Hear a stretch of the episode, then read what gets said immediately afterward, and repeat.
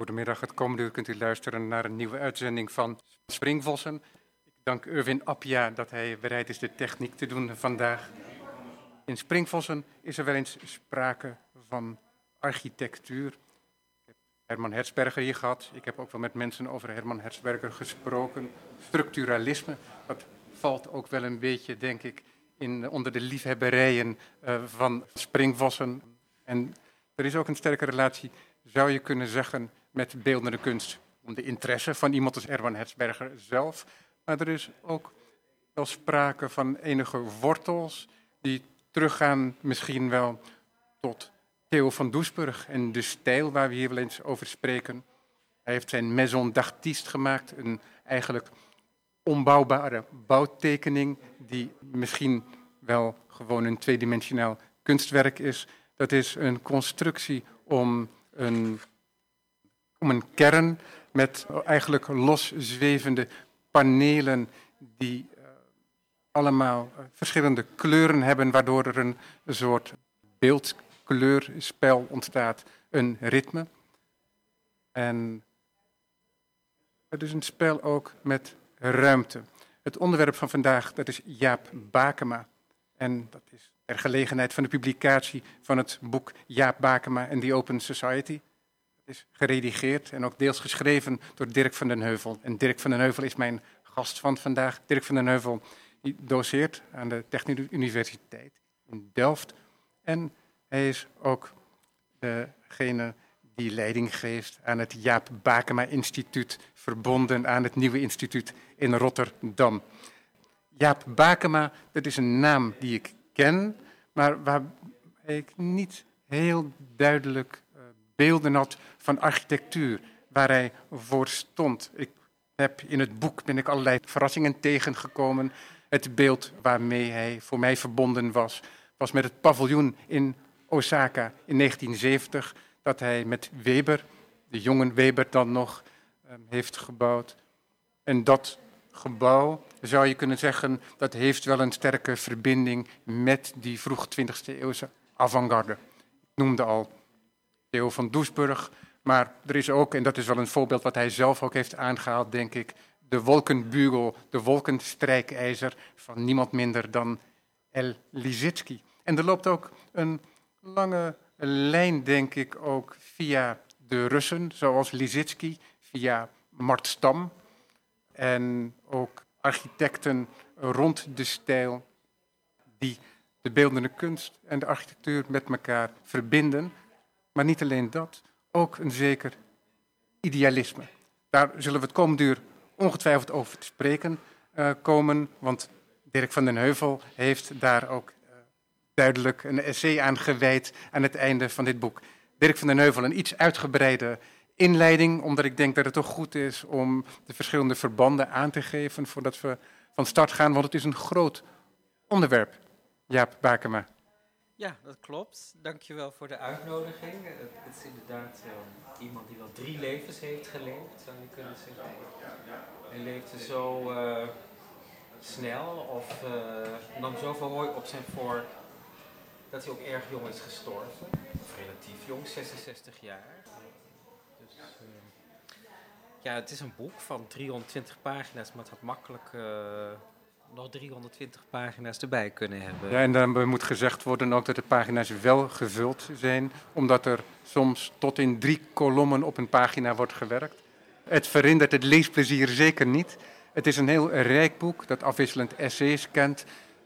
Ook is het de inaugurele reden van Bakema en de TU in Delft opgenomen in, 15 januari 1964, meen ik. Hij dankt daarin ja. Gerrit Rietveld onder andere, Mart Stam. Rietveld leeft dan nog net een half jaar. Ja.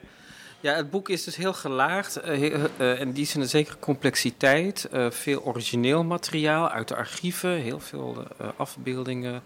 Zowel van het oude bureau als de archieven van het nieuwe instituut.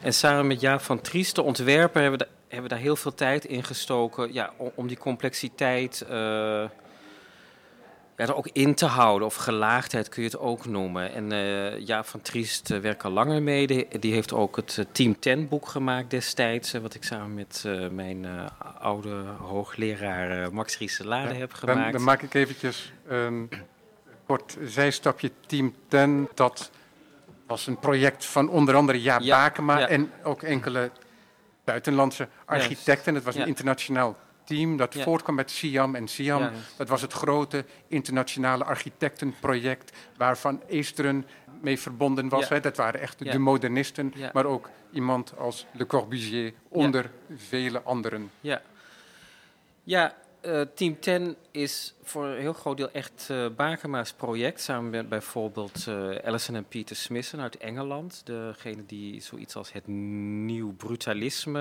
hebben uitgedragen in de jaren 50, 60. En wat heel interessant is ook aan Jaap Bakema, is dat hij die brug slaat tussen de avant-garde, hè, waar je ook mee begon. Hij staat en plaatst zichzelf in die traditie van de avant-garde. En met mainstream culture, met uh, ja, de populaire cultuur. En ook inderdaad die grote opdracht waar de architectuur voor stond. Absoluut, ja. Om um, ja ja, voor de duizenden te bouwen. Ja, ja. ja dus hij is geboren in uh, uh, 1914, uh, maakt de oorlog heel actief mee, is dan al een uh, bevlogen iemand en moet eigenlijk op zijn handen zitten hè, omdat die oorlog uh, voortduurt. En na de oorlog staat hij vooraan bij de discussies over de toekomst van de planning en de architectuur. En er komt dan een enorme opgave richting de natie, zou je kunnen zeggen. Uh, modernisering van het land, industrie. En uh, een enorm planningsapparaat uh, wordt opgebouwd voor nieuwe woningbouw, nieuwe steden en noem maar op. En daar heeft hij heel uitdrukkelijke ideeën over hoe dat zou moeten. En dat, op een gegeven moment haalt hij daar het begrip open samenleving dan ook bij. Dat gebeurt pas eind jaren 50, niet direct.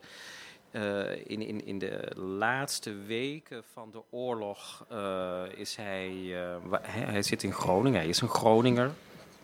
Maakt hij ook nog de bevrijding van Groningen mee, wat wordt nog erg gevochten. Hè? grote markt wordt daar nog flink geschoten, beschoten. Ehm. en hij schrijft in verzetskrantjes en daar begint hij te schrijven over democratie en de wederopbouw van het land. En hoe democratie, architectuur en planning in zijn ogen althans toch wel iets met elkaar te maken hebben. En dat wordt echt zijn uh, levensmotto. Dat is echt zijn drive, zijn hele carrière. Ja, en dat gaat dus over het stedenbouwkundige. Maar het gaat ook over hoe de mens leeft. Het, het alledaagse leven. Ja. Van het kleine tot het grote. Ja.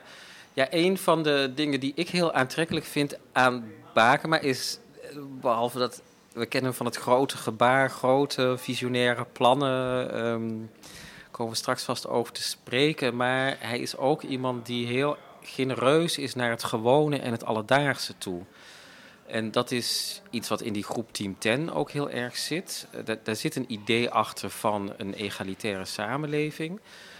Er zit ook iets achter van de eigen achtergrond natuurlijk. Bakema komt van een vrij eenvoudige familie. Uh, zijn vader uh, was na een ongeluk op de bouw ook een broodbezorger bijvoorbeeld. En uh, je ziet af en toe in tekeningen van het bureau zie je ook wel eens een broodkar verschijnen. Dat is wel heel interessant. Of dat nou een biografische verwijzing is, dat weten we niet precies.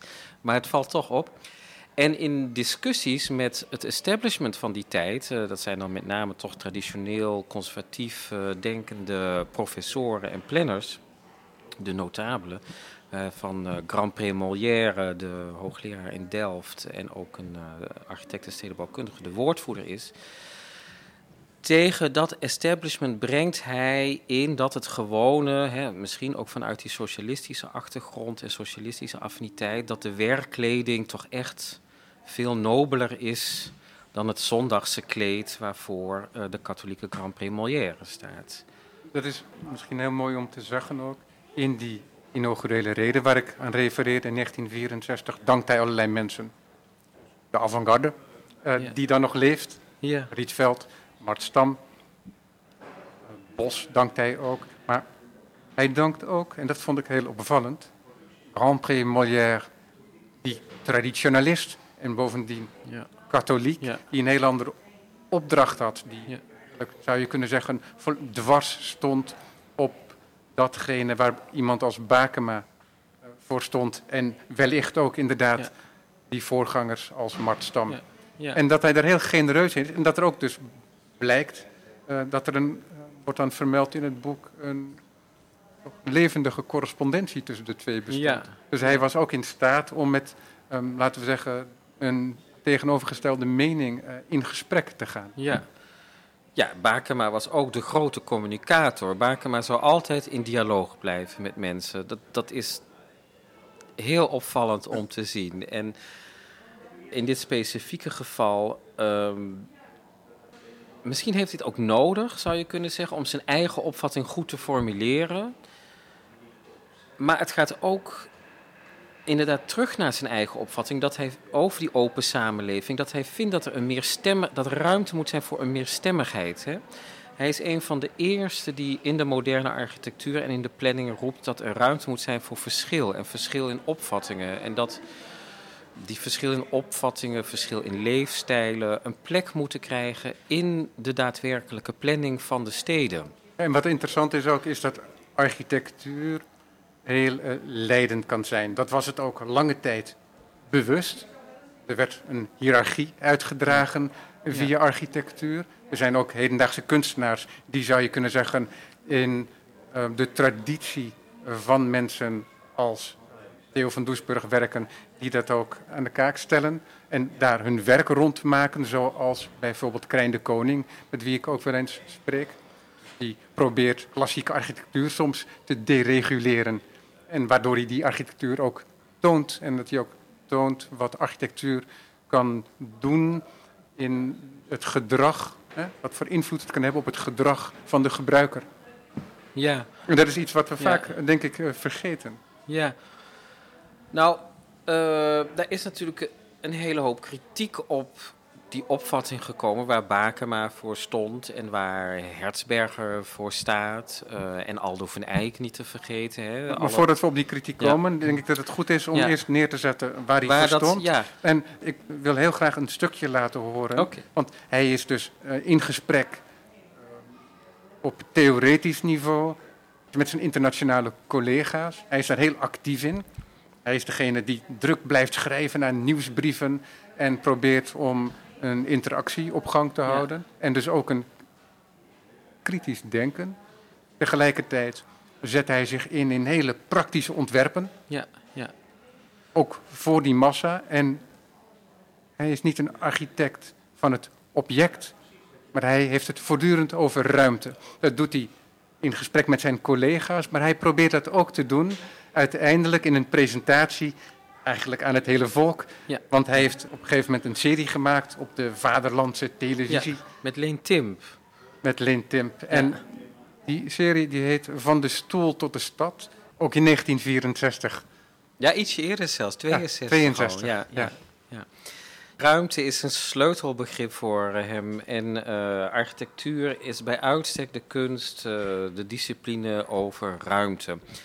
Dat heeft hij natuurlijk van moderne architectuur en de stijl, zoals je al aangaf.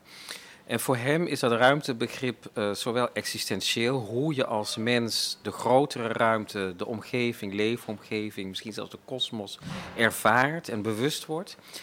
Eh, en in dat hoe ervaren en bewust worden ziet hij een taak voor de architect om daarin te helpen. En dat, dat ziet hij bijna als een opdracht opnieuw tot communicatie en Ja. ook tot bijna didactisch Ja, ook. we slaan hier een- eigenlijk een, alweer een element over, omdat we meteen naar het meterniveau Ja, eh, bewegen. Maar hij zegt ook op een gegeven moment, in, net na deze introductie, dat eh, de stoel vormgegeven wordt in de ruimte. Er is Ja. altijd een eh, relationeel, re- relationele visie die hij Ja. uitdraagt. ja, En dat lijkt eigenlijk ook wel een beetje op hoe kunstenaars omgaan met vorm en tegenvorm. ja, Dat hij zich heel bewust is dat het niet alleen om het object gaat in het niets, ja, maar dat dat eh, niets, wat dan de ruimte is, dat dat onze leefwereld is. ja. En hij is van het allerkleinste niveau van de stoel, zo je wilt, tot eh, de ruimte, maar ook tot de communicatie van de ruimte die hij creëert, de kamer met de ruimte daarbuiten, Ja. probeert Ja. hij voortdurend Ja. relaties te leggen. Heel eenvoudig, een voorbeeld dat veelvuldig voorkomt hier in het boek, is dat er niet alleen een muur is, maar dat een muur dat, waar een dak op leunt ook onderbroken kan worden door een, een liggend raam, waardoor de muur een, een ruimte suggereert, daarachter ook, die ook toont. En waardoor het ja, er een, een communicatie is met die buitenwereld. En dat zie je ook in verschillende ontwerpen van hem. Zie je dat terug, dat hij spel speelt met een ritme van muren, van ramen. Ja. En dat het niet alleen is dat het een spel is van objecten Nee, op nee. een, eh, op een Nee. terrein. Nee, nee, dat is. Nou, dat grijpt, zoals je in de inleiding zei, natuurlijk heel erg terug op de stijl. En dat spel met die vlakken. Het, het Rietveldhuis is daar natuurlijk ook heel belangrijk in. En de mythe gaat. eh, dat eh, Bakema bij het zien van het Rietveldhuis beseft: ik wil architect worden. Ja, het Rietveld Schreuderhuis uit Ja, 1924. een mooi, eh, eh, mooi Utrecht. verhaal natuurlijk. En eh, dat, dat relationele heeft hij ook van de stijl volgens mij. Het idee van de, van de uitgebreidheid van de ruimte en hoe je die ervaart. En wat heel belangrijk is, is, want in de stijl is het toch nog heel erg in het domein van de kunst en de avant-garde. En wat Bakema doet, is hij brengt dat voor het eerst naar architectuur en planning, naar de Siam eh, met name. En daarin beschrijft hij inderdaad de architectuur en de planning als iets relationeels. Naar de praktijk, want in de teksten van iemand als Piet Mondriaan, maar ook bij eh, Van Doesburg in de stijl en eh, ook in zijn eh, latere initiatieven, zie je dat wel die ruimte voortdurend gedacht wordt, maar het is allemaal theoretisch of op doek of in het tweedimensionale. Je zou kunnen zeggen dat de studio van Piet Mondriaan al een eerste stap is uit de Ja. theorie Ja, naar een praktijk. En hij noemde dat dan de neoplastische Ja. ruimte. ja, Maar Jaap Bakema is iemand die toch een stukje later komt. die dat inderdaad Ja. op grote schaal in praktijk probeert te denken, maar Mhm. ook te maken. te bouwen. Ja. Ja.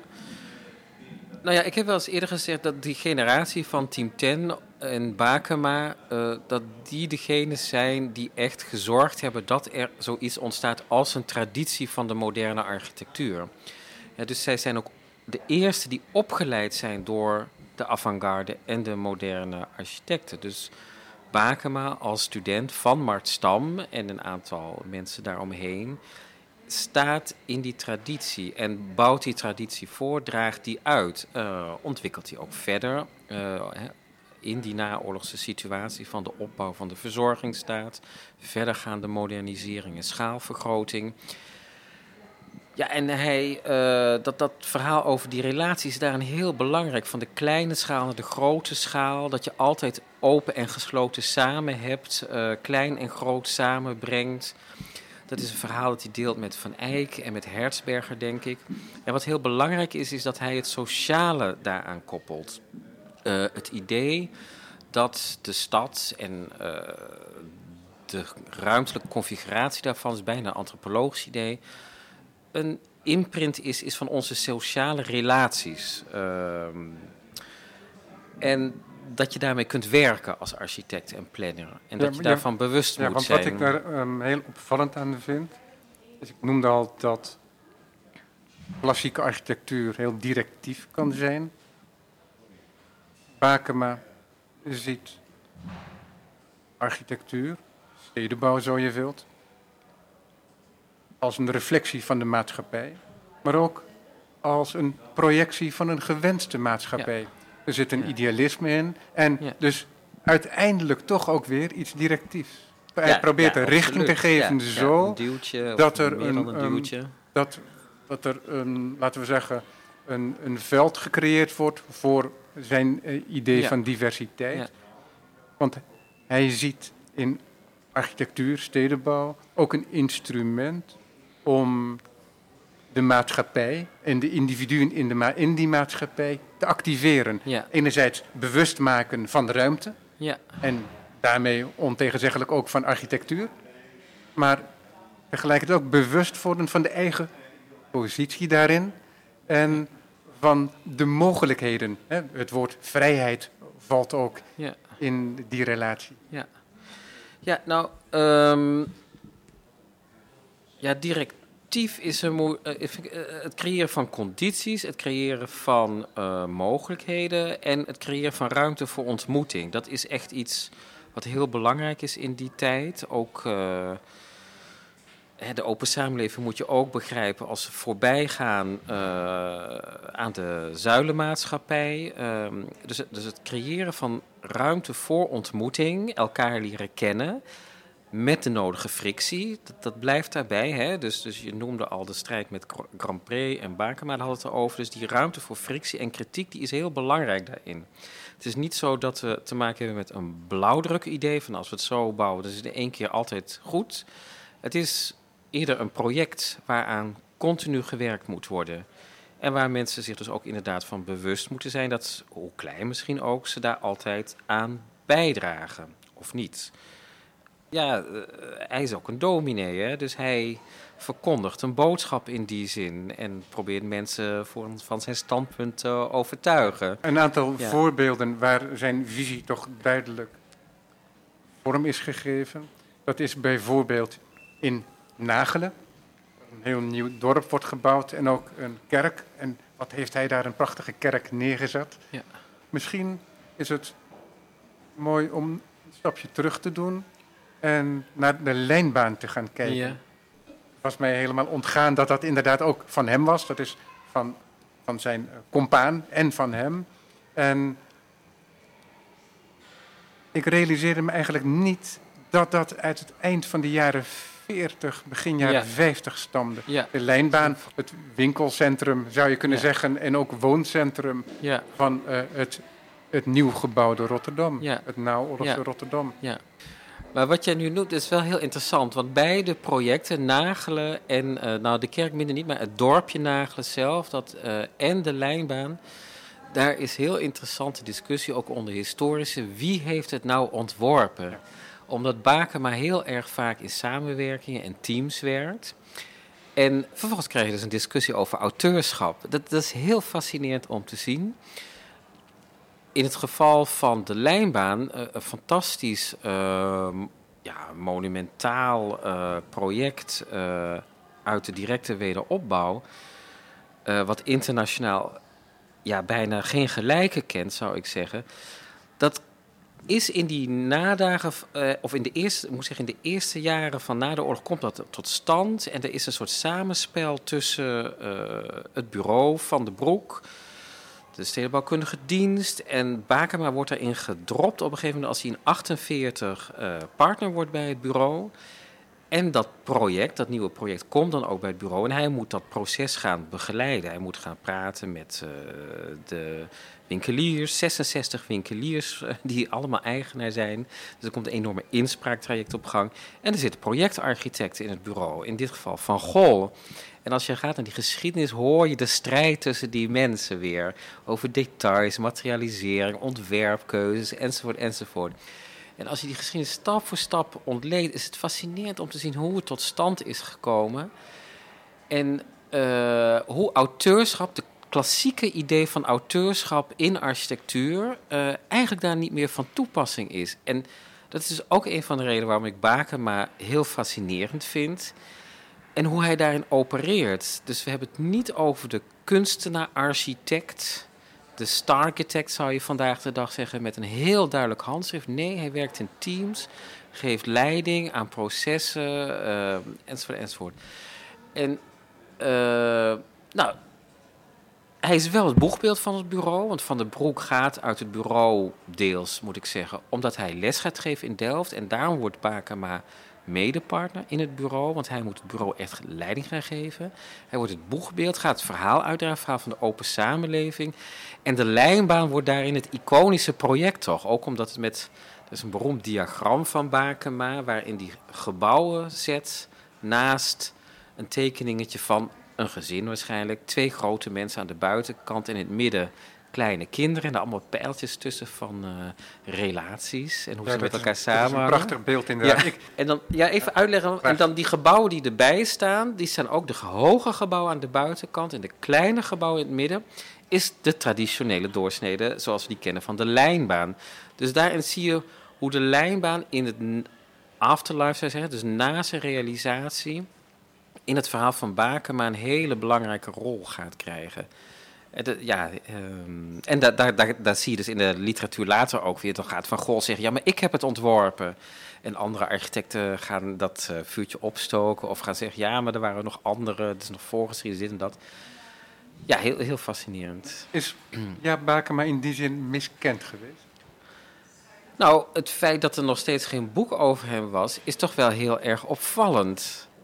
Dus daar zit echt van omissie. Ik weet niet of hij miskend is geweest. Misschien was hij zo groot dat het, is ook wel heel erg moeilijk om hem aan te vatten. Eh, heel veel dingen weten we ook nog bijvoorbeeld nog steeds niet. Hij, het archief dat we hebben in Rotterdam is het grootste archief dat we hebben in onze collectie. Dat is anderhalf kilometer of zo aan documenten.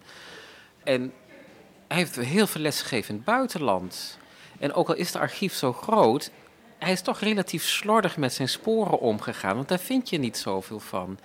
En met dat lesgeven onderhield hij ook zijn enorme netwerk met Japan, met Amerika. het moet een man met een, met een ongelofelijke energie zijn geweest. Hij was voortdurend aan het tekenen. Had een Ja, hele ja, vaardige hand. ja, Hij is voortdurend in gesprek met mensen. Hij organiseert en tegelijkertijd komt hij er ook nog toe om daadwerkelijk architect te zijn. Dat doet hij wel vaak in de zin van de oude meester in een atelier. Hij komt kijken en hij zet toetsen. Ja. want dat bureau van de Broek Bakema, dat is op enig moment het grootste bureau van Nederland. En misschien internationaal ook wel een bureau van aanzien. Want de, Ja, lijn, de lijnbaan ja. ging de wereld over. Ja, nee, het was absoluut. Of de grootste was, dat weten we niet precies. Want we hebben al die gegevens natuurlijk Nee. niet. Maar echt op een gegeven moment met een, meer dan 200 man werkte Een daar. indrukwekkend bureau. Ja, geeft daar dan maar leiding aan. Ehm, heel anders dan Aldo van Eyck, die toch altijd heel klein werkte en heel precies. Aldo van Eyck is dan misschien meer de architect-kunstenaar. Maar wat ik daarbij wilde aangeven is dat hij dan soms ook wel eens, daar wordt er aangegeven in het boek, in een weekend langskomt. Ja, en, En dan, dan eh, hier- aantekeningen hier- hier maakt. aantekeningen van, eh, maakt, ah, ja, ja, dat is natuurlijk ook een soort van directief. En eh, ja, in die zin is hij toch de leider van het bureau. En nou, dat merk je ook in het gesprekken met Karel Weber. Merk je, dat zit, daar zitten fricties ook. En, eh, Ja, want Karel ja. Weber die probeert toch heel duidelijk in dat gesprek dat weergegeven is in, eh, in je mooie boek, duidelijk te maken dat Osaka in de kern zoals het nu bestaat eh, aan hem te danken is. Ja, dat is heel, ik weet niet of is- hij het zo zegt, maar Nee, ik, ik, ik, ik ken de toon niet, maar dat daar... hij mm, claimt wel ruimte voor zichzelf. En ik denk ook terecht. Maar het gaat natuurlijk terug op Bakema's idee van eh, zijn voorstel voor de Euromast dat niet gebouwd is. Hè. Maaskant zijn voorstel is gebouwd. En Bakema had een nog groter idee voor de Euromast met wel vier uitkijkplatforms. En het was ook een heel idealistisch idee. Weer elk platform correspondeerde met het niveau van stad, haven, regio, eh, Europa, zou ik maar zeggen, of weer de hele wereld. En op elk platform had je weer een soort didactisch programma. En dat probeerde hij op verschillende plekken toch in zijn ontwerpen af en toe te realiseren. En Osaka was daar een van de momenten van. Hè. Osaka was ook, noemde hij ook een communicatiemachine voor de open samenleving. Maar. Osaka, dat paviljoen uit 1970, dat is dan nog echt een object. Ja, En misschien is Nagelen een beter voorbeeld. Oh, en ik ja, noemde, ja. ik noemde expres Nagelen en Mm. de, de lijnbaan, omdat de lijnbaan een heel Ja. vroeg moment is. Dat je, wat, wat we daar nog steeds in kunnen Ja. zien, want het is verrassend hoe goed het nog werkt eigenlijk. Ja.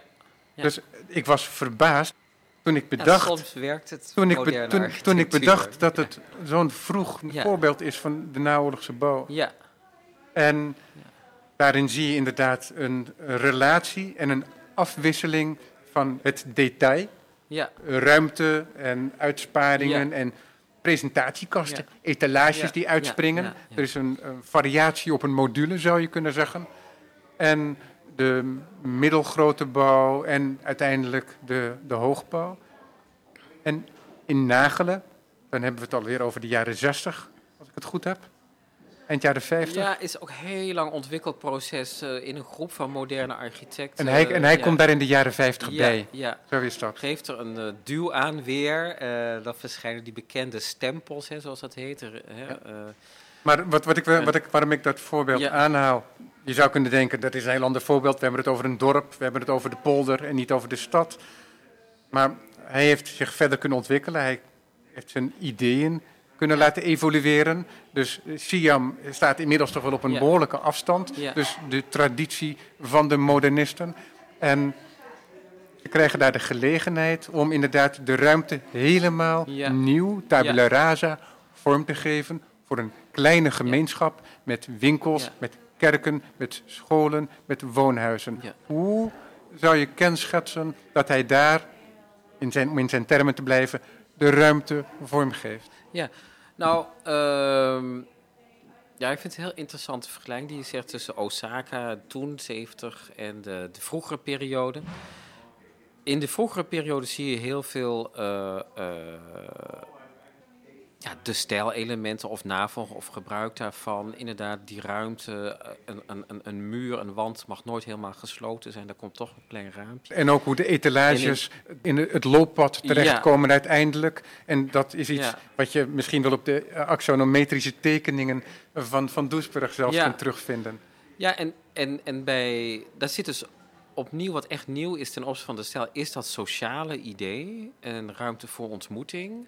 Daar is zo'n winkelstraat natuurlijk heel geschikt voor.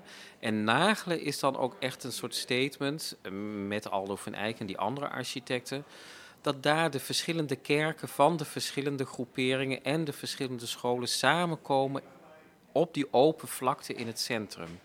Dan, dan houden de zuilen wel hun eigen plek, maar ze komen samen in het centrum. En vanuit dat centrum heb je altijd weer een blik naar buiten of over het kanaal, eh, richting de polder en weer het wijdere landschap. Ja, wat ik interessant vind dat je eh, zegt dat wat er nieuw is, is het sociale. Want ik denk dat dat onder die idealen die geuit worden door iemand als Van Doesburg en als Mm. Mondriaan, schuilt toch ook een soort sociaal-idealistisch idee. Maar het wordt uitdrukkelijk als het sociale geformuleerd en in praktische zin door de generatie van Jaap Bakema. Het is een, een voortzetting van een gedachte, zo zie ik het althans. En jij Ja, kunt me daar twee. natuurlijk wel beter over twee, denk ik. informeren. Ik denk niet dat Theo van Doesburg eh, zo dacht over het sociale als gebeurde in de naoorlogse tijd, moet ik eerlijk zeggen. Hij had wel eh, ideeën over een nieuwe maatschappij. Ja. Maar eh, zo specifiek als Bakema zich uit over een democratie, over een open samenleving waarin ruimte moet zijn, dat elk individu ruimte moet krijgen om expressie te geven aan zijn eigen leefstijl. Dat hoor ik niet bij eh, Nee, de stijl. Ik bedoel ook niet Ja. dat het hetzelfde Ja. is, maar het ligt wel in, het, eh, in een mogelijk Ja. verlengde daarvan. Je zou vanuit Van Doesburg ook tot hele andere ideeën kunnen komen. Dus ik zeg niet dat Ja. het een onafwendbare consequentie is. Nee, nee hoor, nee. nee maar, eh, maar goed, om even de bijdrage van Bakema in die discussies met de architect eh, toch eh, goed neer te zetten. Ehm, ja, en waar had hij dat dan vandaan? Hè? Dat is ook weer altijd zo'n vraag. Het is, ook een, Waar ja, het, is, het, is, iets het, het is heel moeilijk altijd om iemand los te maken van zijn tijd. Ja, Dus ja. het, het is ook een, een teken van de tijd. Het is ook de noodzaak. Er is noodzaak om veel te bouwen. Eh, ga je dat doen vanuit de modernistische principes dat je in wat dan de strokenbouw eh, wordt genoemd. Hè, Ja. Want die plannen die in Amsterdam-West zijn uitgevoerd uiteindelijk Hmm. door Van Eesteren, Mm. dat zijn uiteindelijk vooroorlogse principes en ideeën, Ja, ongetwijfeld bijgestuurd met, met nieuwe inzichten. Maar het zijn oude plannen die uitgevoerd worden. Ja, dat, En zie je de discussie tussen de generaties heel erg. Dus, te- dus, dus in die zin was Bakema samen met iemand als Lotte Stambezen ook bijvoorbeeld, hè, uit de Rotterdamse hoek, kritiseerden ze de Amsterdamse benadering als te veel bouwend op het idee van de functionele stad. Ja, orthogonale principes, een as met winkels en stroken daaromheen. hè, Dat zie je toch heel, heel vaak terug. En wat ik, als ik dat dan vergelijk met de lijnbaan, dan zie je dat er veel meer een soort stroom Ja. mogelijk is. Ja, daar moet natuurlijk wel eh, Van Traan natuurlijk eh, bij noemen, omdat hij het eh, nieuwe basisplan had gemaakt. En, en daarin inderdaad ook functiemenging nadrukkelijk als Ja, ja. uitgangspunt was genomen. Maar ook in Lotte Stambezen en Baak, maar in hun studies voor Pendrecht, ook behoorlijk orthogonaal moet ik zeggen, was, zat wel al het idee, we moeten mengen. Mengen eh, van eh, huishoudens, mengen van eh, groepen mensen enzovoort. Dus dat idee van menging, dat is ook een heel specifiek Hollands idee in de verzorgingsstaat. Het is heel anders dan wat in de naoorlogse periode in Engeland of Frankrijk bijvoorbeeld Wat gebeurt. desastreuze gevolgen heeft in sommige gebieden in is een, Frankrijk. eh, eh, een, een hele radicale scheiding van de klasse heeft dat eigenlijk daar teweeg gebracht. Ja, ja absoluut. En als we dan heel praktisch gaan kijken naar Nagelen bijvoorbeeld, die nieuwe gemeenschap, dan kom Hmm. ik daar weer terug. Hoe gaat hij en zijn collega's, want hij doet het niet alleen, hoe gaan zij om met het vormgeven van die ruimte? Want ik heb begrepen uit je boek dat er heel veel gediscussieerd is over hoe die functiemenging en hoe die, eh, die ruimtelijke vormgeving uiteindelijk plaats eh, zou- zou moeten vinden. Ja, dat, dat is een heel interessant proces. Omdat, eh, ja, wie geeft dan uiteindelijk de doorslag ook in die discussies? Eh, uiteindelijk presenteert Aldo van Eyck het definitieve stedenbouwkundige plan op in Siam. En hij maakt ook eh, met Daniel van Ginkel de scholen daar.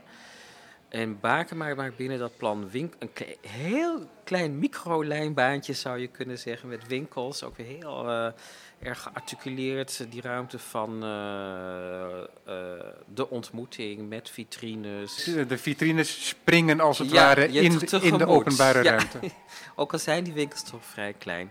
En dan die prachtige kerk die heel erg gaat over het creëren van een verticaal teken in die horizontale oneindigheid. En hoe je daar met een soort spiraalbeweging onder de klokkentoren naar de binnenhof wordt geleid. En dan in de kerk eh, ja, naar de zaal van samenkomst. Ja, het is, het is in, zijn, eh, in zijn austeriteit. Ja, het- het- ontzettend het- eh, streng. is het, het is heel Ja. streng, maar tegelijkertijd heeft het ook een hele mooie melodie. Ja, Dus je komt binnen Ja. onder de toren, wat uiteindelijk een soort kubus lijkt te vormen. ja, En dan heb je links verspringende muren, reusachtige kantelen zou je kunnen zeggen, die het zicht wegnemen, weer het landschap, het landschap openbaren, het zicht nog een keer wegnemen, Ja, om uiteindelijk in een soort Ja. pastorie terecht te komen, een entree die weer leidt naar het hoofdgebouw. En we draaien rond als een slakkenhuis in het hoofdgebouw. En dat hoofdgebouw dat kent dan inderdaad bij het altaar nog een grote verspringing. En dan ontstaat er, de cirkel is bijna gemaakt, een leemte. En de trap ontbreekt om hem naar de hoogte te voeren eh, van de toren. Maar die wordt, ja, dat is typisch, die wordt als het ware gebeeldhouwd ja. door de ruimte tussen het Ja. altaar en de toren. Ja. Het is ehm, een prachtig eh, object ook daar, maar toch een object dat heel duidelijk met de ruimte speelt en de ruimte waar het zich in bevindt. ja, die leest wel heel erg als een object. Zo zijn er nog wel meer gebouwen die natuurlijk vanuit hun opdracht en context echt als object verschijnen. Maar het is heel erg nadrukkelijk in, in zijn context gedacht. Dat is echt wel iets wat. eh, ook al wordt dat vaak gezegd, hè, moderne architectuur is een tabula rasa benadering, et cetera. Maar je ziet hier het begin van heel nadrukkelijk denken: hoe maak je een relatie met je omgeving? Hoe verhoud je je tot je omgeving? En hoe heeft hij, kun je, Ja. kun je zien wat hij heeft gedaan in zijn bijdrage? Of misschien moeten we het gewoon over het ruimere plan hebben. Hoe de collega-architecten en Jaap Bakema dat via discussie uiteindelijk hebben vormgegeven. Want je zou kunnen zeggen, Jaap Bakema is bij uitstek die architect die via discussie, Ja, hoor en wederhoor, uiteindelijk tot een soort groepsontwerp ja, komt. Want hoe gaat het anders dan bijvoorbeeld met die inspringende etalages in de ruimte, met zichtlijnen die eh, ruimte bieden. Dus hij blokkeert ook Ja. in de openbare ruimte Ja. het zicht niet. Zo, net zo min als dat hij muren verabsoluteert als scheiding. ja.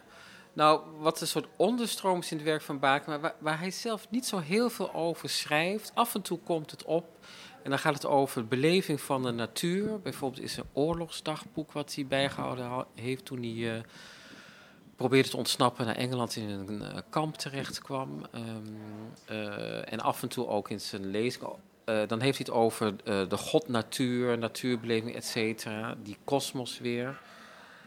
Maar die onderstroom is dus heel erg een soort landschappelijk idee van de ruimte. De horizon, de wijdheid daarvan, het ervaren van de leegte van de polder. Uh, dat zie je in Nagelen heel nadrukkelijk, in Pendrecht heel nadrukkelijk. Um, en dat neemt hij mee ook. Uh, het bureau gaat er ook in mee. Dus uh, in, in de latere projecten, wat iedereen kent van Van der Broek en Bakema, zijn die bekende sporthuiscentrum.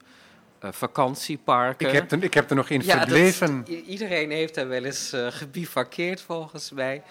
En dat gaat heel erg over hoe de soort clusters van individuele huisjes heel voorzichtig toch in een natuurlandschap worden gelegd. Met een hoekje waar je privé kunt zijn. En toch met paden die je meenemen naar een gemeenschappelijk zwembad, een restaurant enzovoort. En dat is weer een heel ander soort landschap dan die polders. En je ziet weer een heel ander landschap verschijnen in zo'n ja, echt een keerpunt in de Nederlandse planning. Dat is het plan Tandhof in Delft waar eerst een heel grootschalige megastructuur bijna is bedacht. Veel protest, we hebben het over de vroege jaren 70. En dan wordt radicaal besloten met een werkgroep, met Delftenaren, pas afgestudeerde mensen als Joost Vaal en anderen. Nee, we moeten het landschap als uitgangspunt nemen. En dan komt een heel ander uh, ja, planningsmachine, inspraakmachine. Nou, het is geen inspraak hoor, maar heel ander idee over de stadopgang, waarbij het bestaande landschap drager wordt. Het polderlandschap met zijn sloten en zijn kavels. Wat je, wat je ook ziet in, uh, in juist zo'n megalomaanplan uh, wat op de kaf staat voor Amsterdam, het Pampusplan. Ja, dat is interessant, want dat is een plan dat ik nog wel wilde noemen. Dat bureau van de Broek Bakema neemt het op zich om een plan te bedenken voor een nieuwe uitbreiding van Amsterdam. Dat gebeurt op het moment dat er hard gewerkt wordt aan de Bijlmer. Precies, ja. aan de realisering, aan de realisering daarvan. En dat is een plan dat gedacht wordt, eigenlijk toevallig omdat een van de architecten, ik geloof in, ja. in Durgedam woont, of in, in daar een, boot, zeilboot een heeft. zeilboot heeft, inderdaad. En bij een sterke westenwind, we hebben het misschien wel eens gezien, trekt dat water weg en dan komt dat turf komt los.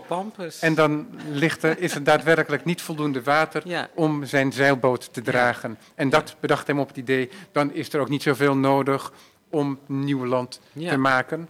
En Bakema, die zegt, we gaan het doen. We gaan het doen. Laten, we, laten we een plan gaan maken. Er is geen opdracht van de gemeente. Er is geen prijsvraag. Ook geen speculatieve prijsvraag van een mogelijk project.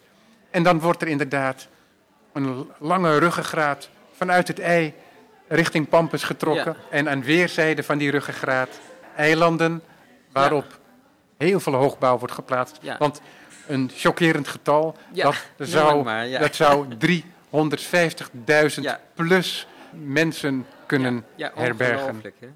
Dus, dus, dus dat idee heeft dus later Eiburg uh, voortgebracht. Ja, is, dat, is, er, is, er een directe, is er een directe relatie? Mensen. Nou ja, daarmee was wel het idee geboren om dus in het water in te gaan. En het was niet eens zo gek, want het was ook voortdenkend over de, de nieuwe polders, uh, uh, Zuidelijk Flevoland en de Markenwaard toen nog.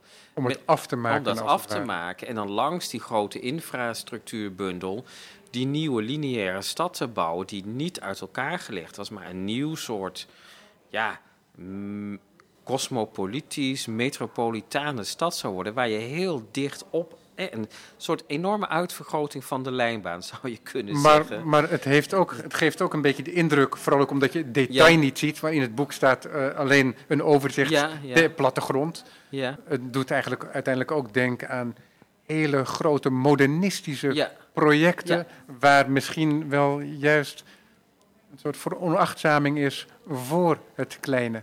Nou ja, het is dus heel provocerend, het is ook echt bedoeld. Dus het brengt twee condities samen, die hele grootstedelijke conditie en direct daarachter dat polderlandschap. Dus je woont zowel, nou ja, dat is de stelling, je kunt zowel wonen in dat landschap als in een grootstedelijke conditie. En het is een, inderdaad een competitie tussen, tussen allerlei plannen die op dat moment gemaakt worden. De Japanse metabolisten, zo iemand als Kenzo Tange, Hè, die uh, later ook dan in 1970 die expo in Osaka uh, Die modulariteit in de, in de architectuur Grote uh, infrastructuur. Infrastructuur is een belangrijk idee in die tijd. Infrastructuur als een ondersteuning van de nieuwe verzorgingsstaat. Die zorgt dat iedereen een eigen plek, een zekere plek heeft. De architectuur absorbeert, in ieder geval de architectuur van Van der Broek en Baken, maar absorbeert die taal van de infrastructuur. Beton, noem maar op als de nieuwe taal van die verzorgingsstaat die voor iedereen zorg zal dragen. Hè, vooruitgang, modernisering. Bakema was ook, was ook in ja, druk gesprek met deze Kenzo Tange ook. Met Kenzo Tange, uh, zeker. En uh, ja, dat, uh, dat, dat is gewoon echt die tijd. Dus de nieuwe vraag ook van de, de nieuwe automobiliteit bijvoorbeeld. Dat is iets waar, waar architecten en stedenbouwers helemaal geen ervaring mee hadden. Dus, dus ik zelf zie het ook architectuur en stedenbouw zijn lerende disciplines. En dat is heel moeilijk. Als er nieuwe opgaven komen, dan ontbreekt er kennis. En je moet dus gaan speculeren, hoe gaan we dat doen? En na de oorlog was er dat hele belangrijke moment. Uh, we gaan een nieuw soort samenleving bouwen, want we willen die oorlog achter ons langer en de ellende van voor de oorlog. We gaan naar een uh, democratie toe, een egalitaire samenleving, noem maar op. Hoe gaan we dat doen? En daar komt Bakema met deze visionaire plannen voor, die tegelijkertijd realistisch zijn. Dat is altijd het gegeven. Het gaat uit van de techniek of wat net mogelijk is. Het gaat uit van regelgeving. Het gaat uit van de planningskaders, uh, wat er in het parlement wordt geroepen. Maar, maar hij gaat heel ver in zijn pogingen om denken vanuit de gebruiker uiteindelijk. Ja, en een bepaald soort gebruiker. Het is natuurlijk niet, ja, dat is toch uh, top-down op een bepaalde manier. En in de jaren zeventig gaat dat kantelen. En dan moet hij daarin mee. We hebben heel korte tijd nog om, om daar iets over te zeggen. Ja, Want ja. Bakema, het is moeilijk om hem helemaal te definiëren. Juist is, dat is misschien juist ook wel uh, de definitie van Bakema, is dat hij duidelijk een, in een netwerk ja. opereert. Nou, hij is als het ware Ja. de spin in het web in het netwerk. Ja. En er ontstaat kritiek. Eind jaren 60, begin jaren 70. De hele cultuur heeft dan eh, sterke tegeninvloeden, met sterke tegeninvloeden te maken. En in Nederland is een van de spreekmeesters daarvan misschien wel Rem Koolhaas. Niet de enige. Ja, Die is daar maar nog heel jong. hij komt al iets later. Want Rem Koolhaas zet zich ook af tegen de jaren zeventig, inspraakcultuur en noem maar op. Eh, want aan de ene kant is Koolhaas een criticus van Bakema. Hij negeert hem zelfs heel erg. En hij volgt hem toch ook weer op als hij zijn bureau zegt Office for Metropolitan Architecture. Hè. Dan zie je toch die grote schaal weer. En de architect als visionair die de samenleving een spiegel voorhoudt. Dit is mogelijk. Willen jullie dit? Wat gaan we doen? In die zin zijn ze ook heel erg gelijk. Maar niet meer die maakbaarheid van de sociaaldemocratie. Koolhaas valt na het, het neo, neo, neoliberalisme, zou je kunnen Ja, zeggen. precies. Hè, dus daar zit een heel groot En die, eh, hij lijkt een veel pragmatische verhouding te hebben Nou, daar met moeten we het de volgende keer over. Lijkt me, dat Want, lijkt me een eh, heel ja, mooi onderwerp. Ja, ja, want hij is pragmatisch en natuurlijk ook een lastpak.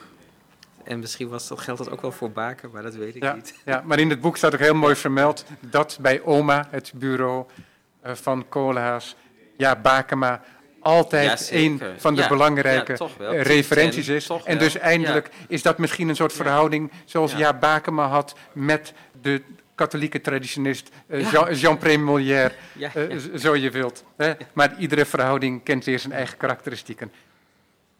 Dirk van den Heuvel, ik dank je hartelijk voor je mooie boek, voor dit fijne gesprek. Het boek Ja, Bakem en die Open Society is uitgegeven door Argis. En het is een eh, rijke bron waar we lang mee voort kunnen. En ik hoop misschien ook een mooi begin van een nieuwe stroom publicaties rond de man. Jij staat er in ieder geval garant voor met het Ja, Bakema Instituut. Ja, dankjewel.